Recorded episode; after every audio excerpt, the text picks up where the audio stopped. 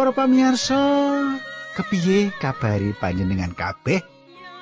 Apa panjenengan tangsa jinangkung dening Gusti? Mengkono aku pendeta pujianto sak kanca saka batu ndongakake panjenengan kabeh supaya panjenengan tangsa binerkahan dening Gusti kaparingono bagas waras. Kaya padatan aku bakal bebarengan karo panjenengan ing adicara margi utami. Adicara margi utami. lan kadangku panjenengan pirsa tumrap panjenengan sing nembe mirengake adicara iki atur pasugatan adicara margi utami iki pancen katujokake marang panjenengan mirunggan kagem panjenengan sing remen anggegilut seneng sinau isining kitab suci pancen tak aturake jangkep runtut tur prasaja manut urutane ayat lan pasal saka kitab suci. Tak andharake mratelake meh saben ayat kala-kala kanthi nyambungake karo panemune ilmu kasunyatan sarta kahanan urip pedinan panjenengan lan aku. Sing utama yaiku analisa-analisa utawa paneliti-paneliti bab karohanen. Mula saka iku ayo nyerak aku kini supaya panjenengan ing babagan karohanen diisi babagan-babagan kang suci yaiku sabda pangandikane Gusti Allah. Sugeng midhangetaken adicara iki.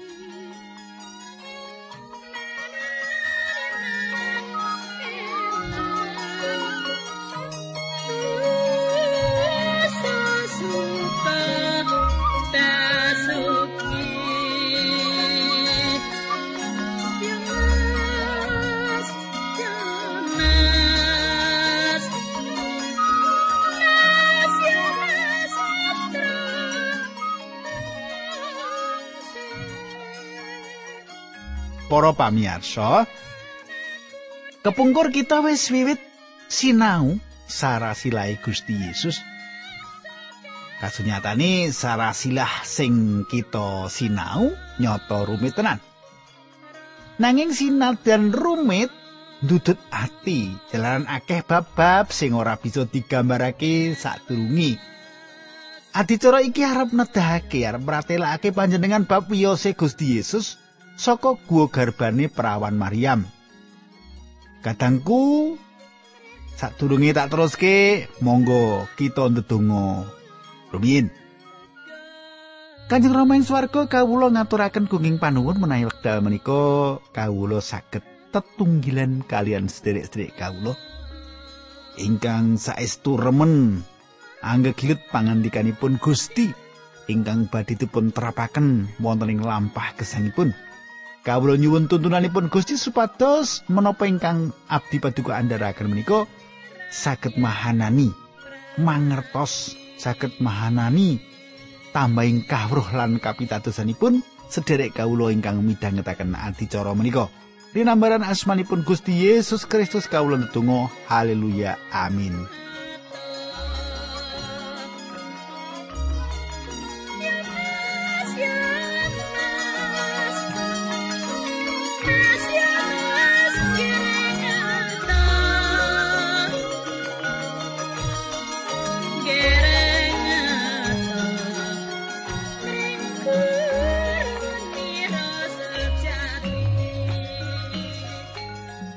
Para pamirsa, Lukas sawijining dokter Yunani nulis bab sing cukup gamblang ing bab guwa garba utawa kandungan wanita. Ing Injil Matius seperti Injil Lukas kabeh nulis bab wiyosane Gusti Yesus iku saka guwa garbane Maryam sang kenya. Yusuf dudu bapakne Gusti Yesus. Iki ora teges yen Maryam ora setya marang Yusuf lakine utawa laku serong karo wong liya. Iki pancen bab sing ora bait-bait.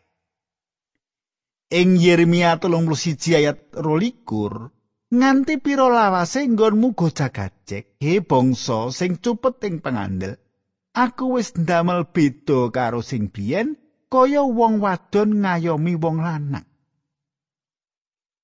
Bisa wae yen wong lanang ora ngandel yen ana bayi lair tanpa ana sesambungan intim antarane lanang lan wadon. Wong lanang ora ngandel yen ana bayi lair tanpa ana tunggal sak paturon antarane wong lanang lan wadon antarane priya lan wanita. Nanging yen kita wong Kristen sing percaya marang Yesus sang juru wilujeng, kita ora bisa nyelaki kapercayan kita menawa panjenengane Gusti Yesus dilairake dening kenya Maria.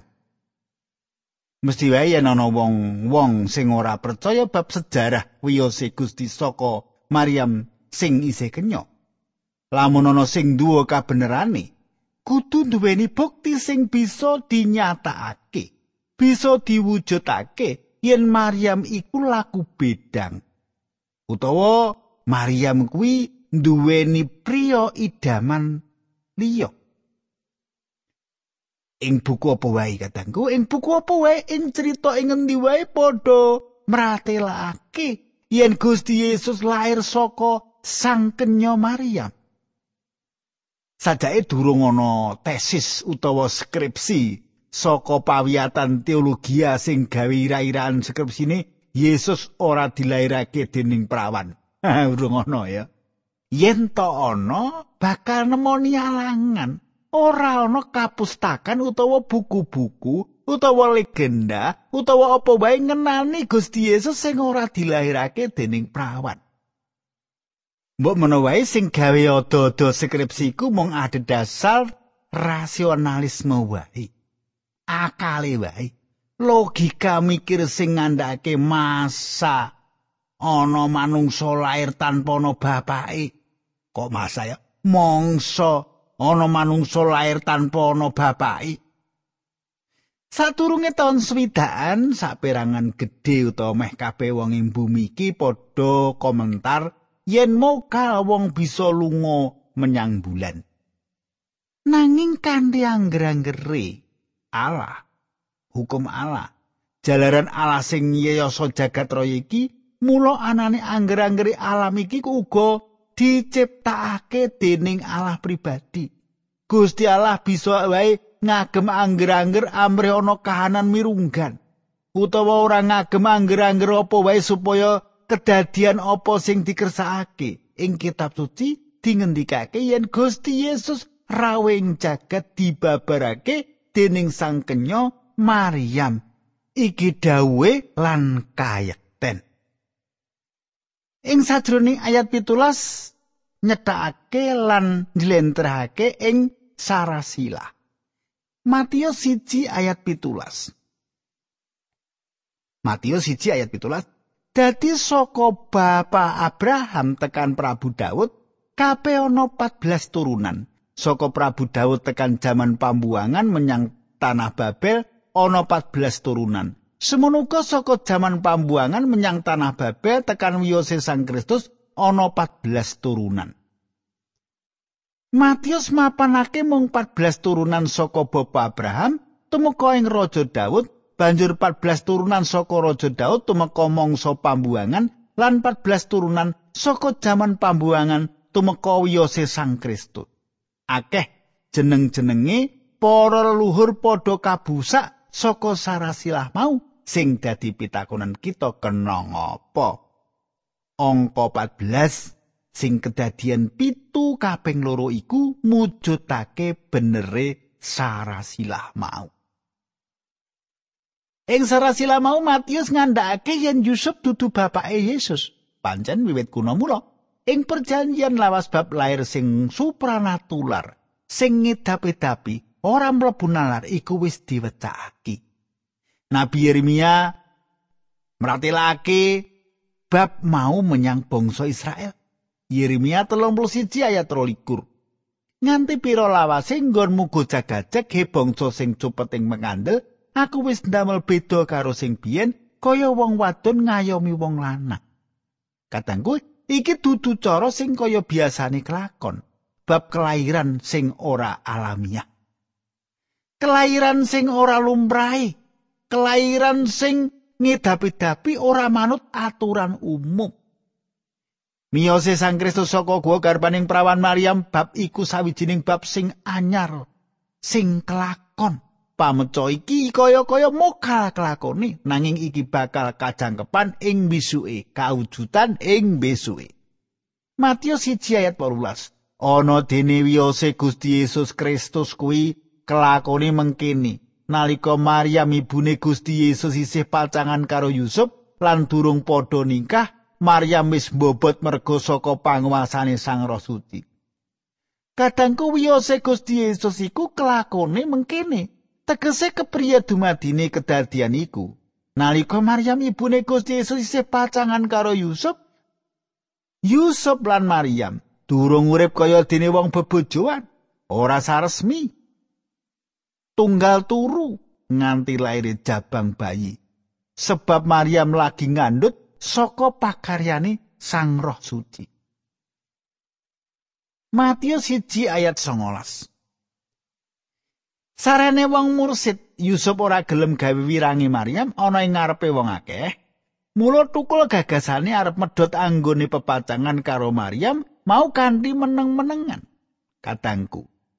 Ing angger-anggere Musa Torat, yen ana wong wadon sing kadenengan nganakake Cina, laku Cina kumpul karo wong lanang sing dudu bojone, bakal nampa paukuman rajam dibalangi watu nganti mati. Iki pancen hukuman sing apa? Nalika alamile Yusuf dadi tunangane Maryam, iki pilihan sing ora salah. Yen Yusuf priya sing kasar, mesti Maryam wis ditangani, wis ditempiling, wis digebuk wis jotos. Bisa malah dilaporake marang para imam. Lan pungkasane bisa cilaka, mati dibenturi watu. Yen nganti kaya mengkono ateges pilihane Gusti Allah marang Maryam luput. Jalaran Maryam banjur ora kajen meneh ing tengahing masyarakat. Wanita lenjeh, murahan, lan isih akeh maneh para pani. Maryam wanita utama sing wani ndodo kasangsarane lamun to diarani laku selingkuh. Awit dhewe setya tuhu nglakoni dawuh Allah. Semono Yusuf, priya sing atine lembah ora grusa-grusu. ora seneng gawe wirange liyan apa maneh wirange wanita sing ditresnani? Senajan dheweke rumangsa yen Maryam ora setya marang dheweke. Matius 1 ayat 30 nanging bareng lagi gagas-gagas mengkono banjur ana malaikate pangeran nemoni Yusuf sajroning impen malaikat mau ngendika Yusuf tedak turuni Daud kowe aja mangu-mangu ngepek Maryam dadi bojomu awit bayi sing ana ing wetenge kuwi asal saka panguasane Sang Roh Suci. Kadangku kanggo meper kahanan dredah sing bisa dadi rungake kakeh. Malaikate pangeran tumedhak ing bumi mangi Yusuf lan jlentrehake apa sing dadi kersane Allah bab iki. Matius 1 ayat selikur. Maryam bakal mbabar putra kakung bayi kuwi namakno Yesus awit ya panjenengane kuwi sing bakal nyelametake umate saka ing dosane. Katanggu, asma Yesus tegese juru wilujeng. Panjenengane kudu diasmaake Yesus. Diparingi tetenger Yesus sebab bakal milujengake para umate saka paukuman dosa. Matius 1 ayat 22. Matius 1 ayat 23 kuwi mau kabeh supaya kelakon sing dingendikake dening pangeran lantaran nabine. Tulisan iki ditujokake marang bangsa Israel kanggo mantepake marang para wong Israel yen pameca mau bakal kelakon. Matius ngupayake supaya wong Israel padha ngerti yen panjenengane Gusti Yesus sing rawuh ing donya iki minangka panggenepe pameca ing perjanjian lawas. Wis ana telung atusan pamecane bab Kristus sing wis dijangkepi. Ing Injil Matius dhewe pancen asring gandengake nggayutake tulisane karo perjanjian lawas sing tundone nuduhake ganepe pameca ing perjanjian lawas. malah nggone gandengake karo perjanjian lawas luwih akeh tinimbang injil-injil liyane. Dadi kaya-kaya Injil Matius ora secara langsung nuduhake bab gesangi Sang Kristus nanging kepara mbuktekake yen sing diweca ing perjanjian lawas nyata-nyata wis digenepi sugenge Sang Kristus. Lah iki ana contoh sing ditulis ing kitab Nabi Yesaya. Ana contoh sing ditulis ing kitab Nabi Yesaya, Matius 1 ayat 23. Bakal ana prawan bobot sarta mbabar putra kakung kang bakal dinamakake Immanuel. Immanuel kuwi basa Ibrani tegese Allah nunggil karo kita. Iki lelakon sing penting lan ngira-miramaki. Sebab endi ana prawan bisa nglairake tanpa dikumpuli dening wong lanang? Para teolog liberal padha ora percaya bab iki. Mula yen kitab suci terjemahane revised standard dicetak lan disebari ngendi papan sajaya ana karep kanggo duwa para liberalis sing ora percaya yen Maryam sing ngisi prawan iku nglairake Sang Kristus. Matius 1 ayat 13 bakal ana prawan bobot sarta mbabar putra kakung kang bakal dinamakake Immanuel. Ing perjanjian lawas edisi revised standard ing Yesaya 7 ayat 14 ngene unine. Menawi makaten Gusti Allah piyambak ingkang badhe paring pertondo dhateng panjenengan, mekaten badhe wonten perawan ngandhut dan nglairaken anak jaler ingkang kanamaaken Immanuel. Tembung wanita sing isin nom diganti nganggo tembung perawan.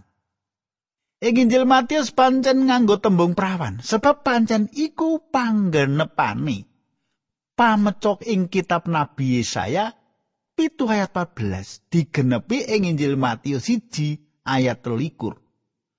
Pameco ing Yesaya pitu ayat 14 ditulis ora mung kanggo menehi sawijining tetenger bab wanita muda sing bakal nglairake.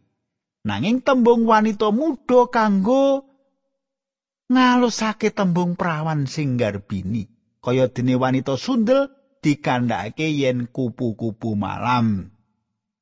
Mula becik ayo neliti ayat ing dhuwur sing tak waca mau ing basa asli Ibrani. Tembung prawan iku ing basa Ibrani almah. Almah. Tembung almah iki tegese prawan nanging bisa uga diwai dadi wanita nom wanita muda. Alasane Jeniuse panulise kamus basa Ibrani dheweke ora setuju bab pangeram-eram. Mujizat mula kabeh terjemahan. Kabeh panjarwa kitab suci sing nganggo patokan kamuse Genesius padha nganggo tembung wanita muda dudu prawan. Becik kita ndeleng maneh apa sing dikandhakake Yesaya? Pitu lan liti apa sing ditulis ing kono.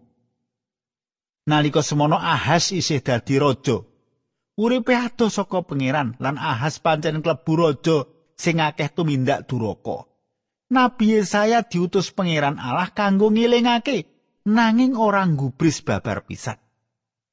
Yesaya pitu ayat 10 Gusti Allah banjur ngendika meneh marang Ahas dawuhe Kowe nyuwuna pertondo marang pangeran Allahmu apa pertondo saka donyane wong mati ngisor apa pertondo saka swarga ing dhuwur unjuke Ahaz. Kawula mboten badhe nyuwun pertondo kawula mboten purun nyobi dateng pangeran. Yesaya pitu ayat 10 nganti rolas. Nabi Yesaya wis kondo marang Ahaz yen dheweke bakal menang ing perang. Nanging Ahaz ora gelem nyuwun marang Allah. Ahaz ora gelem nyuwun pratondo marang Allah. Allah sing arep maringi pratondo marang Ahaz. Menawi mekaten Gusti Allah piyambak ingkang badhe paring pertondo dhateng panjenengan mekaten badhe wonten perawan ngandhut lan nglairaken anak jaler ingkang karamakaken Immanuel Yesaya pitu ayat 14 Katanggu yen mung wanita muda sing bakal nglairake ora perlu diparingi tondo sebab akeh lalakon sing kaya ngono nanging yen bab mau dadi tondo sing bener perawan sing ngandut lan bakal nglairake anak lanang lan sak teruse ora wanita nom wanita nom sing lahir ki akeh gitu. Perawan. Almah sepisan maneh almah ing perjanjian lawas tegese perawan. Ribka nalika dilamar dening Iska uga dikandhake yen almah tembung almah ora mung tegese wanita muda wae nanging wanita muda sing isih perawan durung tau dikumpuli turu wong lanang. Tembung almah sing tegese perawan dibuktekake ing Septuaginta panjarwa perjanjian lawas lan perjanjian anyar terjemahan perjanjian lawas lan perjanjian anyar saka basa Ibrani menyang basa Yunani digarap dening pitung puluh ahli basa Ibrani saben talare Israel diwakili nemu wong bareng tekan tembung tondo ing Yesaya pitu kanthi gembleng negesake yen iku prawan nuli ing basa Yunani dijarwakake Partenos Ya tembung iku sing dienggo Matius nalika nulis Injil. Partenos dudu wanita muda nanging sepisan maneh tegese perawan. Athena iku jenenge Dewi Perawan. Wong Athena sing dipapanake ing kuil sing jenenge Partenon. Dadi ora perlu tido-tido, ora perlu mangu-mangu. Yen ing Yesaya pasal pitu sing ngandhut dudu wanita muda nanging sing ngandhut perawan. Coba panjenengan gatekake Matius 1 ayat 23 bakal ana prawan bobot sarta mbabar putra kakung sing bakal dinamakake Immanuel. Katangku, apa panjenengan wis tau pirsa ing ayat ndi Gusti Yesus dinamakake Immanuel? Panjenengan di asmaake diparingi tetenger Immanuel, jalaran yo iku asmane. Jalaran panjenengane bakal milu jengake kabeh umate saka pakartining dosa. Asma sing jangkep yaiku Yesus Kristus. Yesus iku asmane lan bisa disebut Kristus. Immanuel tegese Allah nunggil mring kita. Ibrani loro ayat songo. Sing nguasani samu barang mung Gusti Yesus piyambak.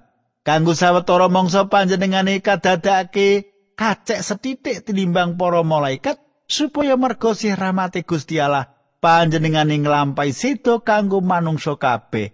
Saiki kita sumurup yen panjenengane dimakutani nganggo kamulyan lan kaurmatan merga nggone wis nandang kasangsaraning pati. Panjenengane sing bisa dadi kurban sakabehing dosane donya. Yen kita ora ana sing bisa kuwawa dadi kurban kanggo donya iki. Apa maneh aku lan panjenengan senajan mung dadi kurbane dosane dhewe wae isih adoh lan ora bakal nututi. Kepriye cara panjenengane sing diwiyoske dening Sang Kenya, prawan bisa sesambungan karo kita? Asmane Immanuel sing tegese Allah nunggil mring kita. Asmane wae wis Immanuel sing mesti wae tansah nunggil mring kita para kagungane. nuli jalaran nunggil mring kita panjenengane bakal bisa dadi juru wilujeng kita ya juru wilujenge manungsa juru wilujenge jagat iki Dadi saben wong pracaya ora bisa selak yen panjen panjenengane Gusti kita Yesus Kristus dibabarake dening kenya sing asmane Maria utawa Maryam bisa wae panjenengane ora pirsa yen Sang Kristus kababarake dening kenya Maryam nanging jalaran panjenengan percaya marang panjenengane panjenengan tetep keparingan kawilujengan. Nanging yen panjenengan teman-teman percaya mesine ora nyelaki yen Gusti Yesus kababarake dening kenya Maryam. Kadangku bab wiyose Gusti Yesus saka gua garbane kenya Maryam iki ora bisa dinyang maneh. Tegese pakaryane Roh Suci sing rancang kedadian aku iki mau kabeh. Wiyosane sing ngira-miramake asmane Immanuel sing tegese Allah nunggil karo kita yaiku juru wilujeng sejati kanggo aku lan panjenengan kanggo panjenengan sing percaya marang Gusti Yesus Kristus kanthi sawetahe penggalih panjenengan Matius siji ayat palikur nganti selawi. Sawise tangi Yusuf banjur nglakoni kaya sing didhawuhake dening malaikate pangeran mau Maryam banjur diningkah. Nanging ora diwori turu nganti tumakane babaran putrane kakung Yusuf namakake putra mau Yesus.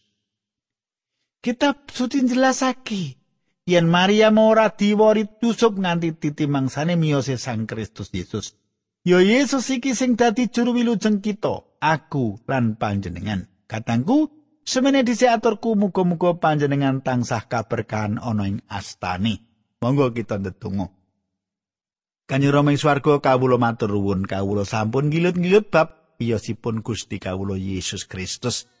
Matur nuwun Gusti kawula dipun berkahi dening iman kawula ngantos kawula keparingan wilujeng ing asmanipun Gusti Yesus.